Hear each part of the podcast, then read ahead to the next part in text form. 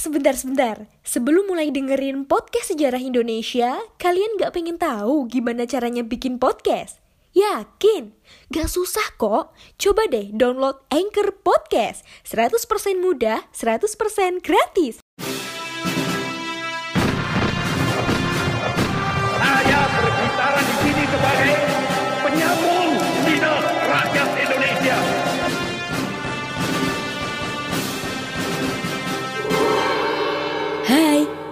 Kalian sedang mendengarkan Poseidon, podcast sejarah Indonesia. Ngomongin masa lalu dengan gaya masa kini.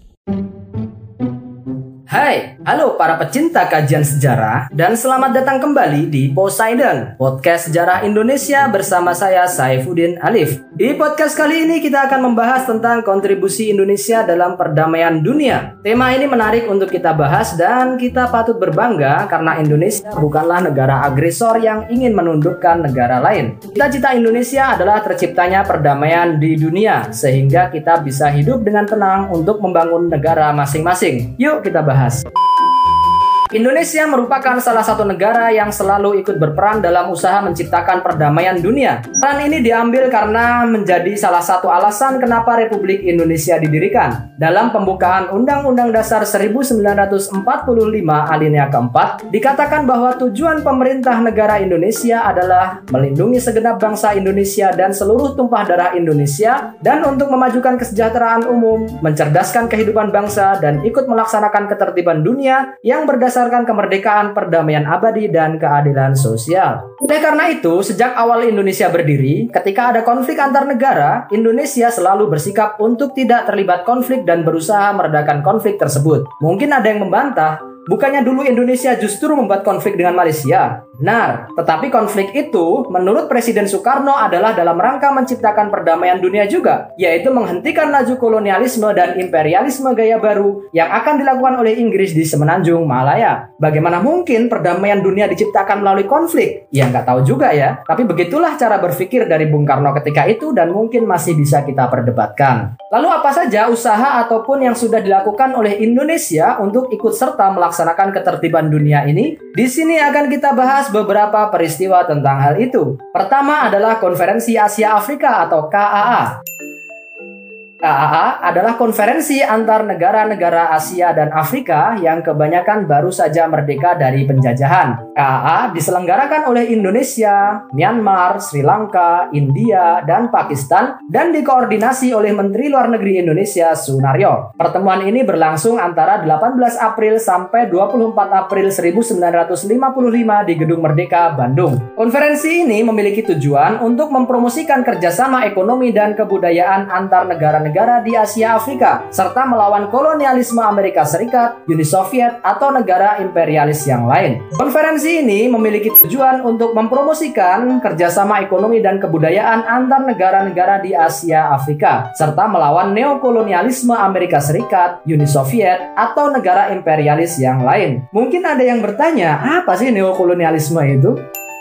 Neokolonialisme adalah kolonialisme gaya baru. Jika pada masa yang lalu, ya setidaknya sebelum 1950, kolonialisme atau penjajahan dilakukan dengan datang ke suatu wilayah dengan membawa pasukan bersenjata lengkap untuk kemudian menundukkan dan mengendalikan daerah itu, maka kolonialisme gaya baru tidak begitu. Neokolonialisme atau kolonialisme gaya baru dilakukan oleh negara-negara kapitalis dengan menguasai ekonomi suatu negara, membuat negara itu ketergantungan dalam bidang ekonomi sehingga negara-negara itu bisa dikendalikan oleh negara-negara besar dalam bidang ekonomi. Cara menguasainya bisa dengan memberikan hutang, bantuan bersyarat, dan yang paling penting adalah memasukkan sistem perekonomian suatu negara dalam sistem kapitalisme global. Ini yang ditentang oleh Presiden Soekarno. Soekarno mengatakan bahwa cara-cara seperti itu adalah eksploitasi de long par long dan eksploitasi de nation par nation atau eksploitasi manusia di atas manusia yang lain dan eksploitasi negara di atas negara yang lain. Perlawanan terhadap hegemoni negara-negara besar hanya bisa dilakukan dengan kekuatan bersama, yaitu negara-negara Asia Afrika yang baru saja merdeka, bersatu, dan kemudian bercita-cita membuat tatanan dunia baru yang egaliter. KA menghasilkan 10 prinsip mengenai perdamaian dunia yang disebut sebagai Dasa Sila Bandung. Konferensi ini kemudian membawa anggota-anggotanya untuk membentuk gerakan non-blok pada 1961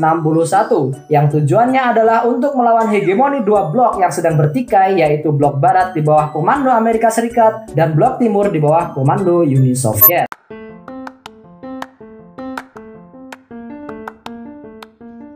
Halo Sobat Poseidon, kalian pasti sudah tidak asing lagi dengan Anchor. Yap, aplikasi penyedia jasa untuk para podcaster pemula dan juga pro. Buat kalian yang pengen mulai nge-podcast, langsung download aja Anchor di App Store ataupun di Play Store. Di sana, kalian bisa nge-podcast dengan banyak banget pilihan background musik. Setelah itu, kalian bisa mempromosikan podcast kalian ke mana pun. Secara otomatis, nanti akan di-sharekan oleh Anchor sendiri. So, tunggu apa lagi? Cus, nge-podcast bareng Anchor.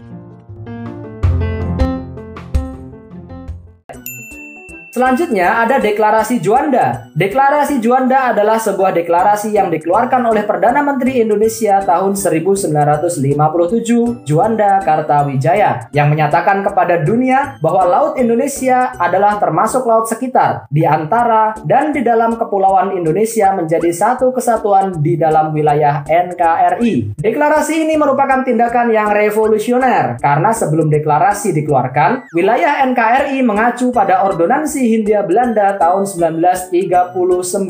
Dalam peraturan ini disebutkan bahwa pulau-pulau di wilayah Nusantara dipisahkan oleh laut di sekelilingnya dan setiap pulau hanya mempunyai laut di sekelilingnya sejauh 3 mil dari garis pantai. Artinya, di luar 3 mil dari garis pantai tiap pulau merupakan laut internasional yang bebas dilewati dan dimanfaatkan oleh siapa pun. Aturan semacam ini sangat merugikan bagi negara kepulauan seperti Indonesia. Oleh karena itu, Perdana Menteri Juanda memiliki ide yang sangat cerdik di mana konsep negara kepulauan tidak bisa disamakan dengan negara daratan. Dalam konsep negara kepulauan, laut tidak bisa dianggap sebagai pemisah antar pulau, tetapi harus dianggap sebagai pemersatu antar pulau. Dari deklarasi Juanda ini, kemudian wilayah Indonesia bertambah dua setengah kali lipat karena kawasan yang dulunya dianggap sebagai laut internasional kemudian diambil alih oleh Republik Indonesia. Tentu deklarasi ini mengejutkan banyak pihak, khususnya negara-negara yang selama ini sudah menikmati dan memanfaatkan laut yang dulunya bebas itu. Tetapi apa yang dikatakan dalam deklarasi itu juga masuk akal. Oleh karena itu, Indonesia sejak deklarasi itu dikeluarkan terus memperjuangkan agar isi dari deklarasi dapat diterima dan dijadikan sebagai landasan hukum internasional. Setelah perjuangan panjang akhirnya konsep Juanda tadi diterima secara internasional dalam Konvensi Laut PBB yang ketiga tahun 1982 di United Nations Convention on the Law of the Sea atau UNCLOS.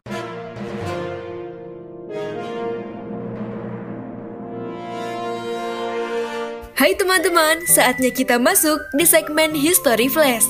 Pasti kalian tahu Candi Prambanan bukan?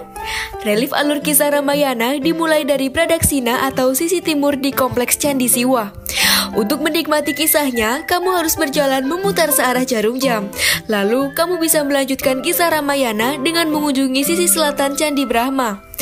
Liga Bangsa-Bangsa merupakan organisasi internasional yang bertujuan untuk menjaga perdamaian dunia. Liga Bangsa-Bangsa merupakan pendahulu dari United Nations atau PBB.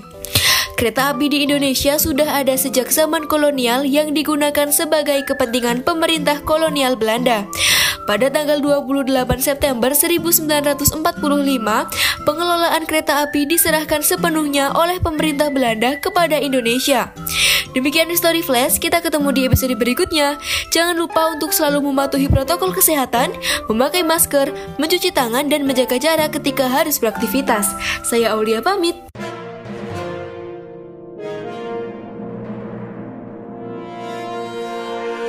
Terakhir yang akan kita sebutkan di sini adalah misi Garuda. Misi Garuda adalah sebuah misi perdamaian yang melibatkan unsur militer atau tentara, polisi, dan juga unsur sipil. Pada masa Orde Lama dan Orde Baru, unsur militer yang paling dominan. Tetapi di masa kini, unsur kepolisian dan sipil yang diperbanyak. Dalam sejarahnya, misi Garuda diawali dari hubungan emosional Indonesia dengan negara-negara Arab yang gigih membela kemerdekaan Indonesia dari Belanda. Sikap negara-negara Arab itu kemudian dibalas oleh Presiden Soekarno dengan mengirimkan kontingen Garuda sebagai pasukan pemelihara keamanan pasca penarikan pasukan Inggris, Prancis, dan Israel dari wilayah Mesir tahun 1956.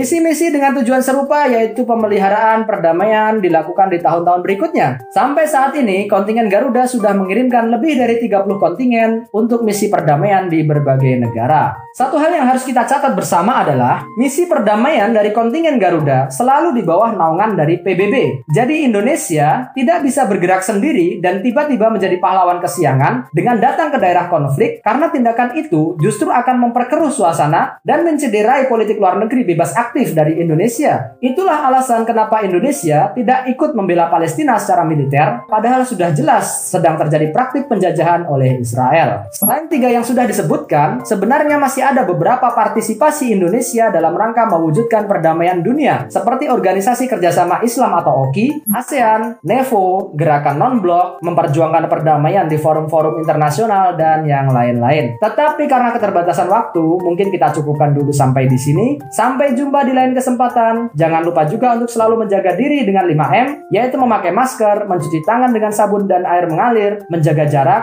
menjauhi kerumunan, serta mengurangi interaksi dan mobilitas. Tetap sehat, tetap semangat di masa pandemi ini supaya kita bisa belajar bersama lagi dalam tema-tema lain yang tidak kalah menarik. Terima kasih sudah mendengarkan podcast Sejarah Indonesia. Saya Saifuddin Alif, undur diri. Selamat melanjutkan aktivitas dan sampai jumpa. Terima kasih.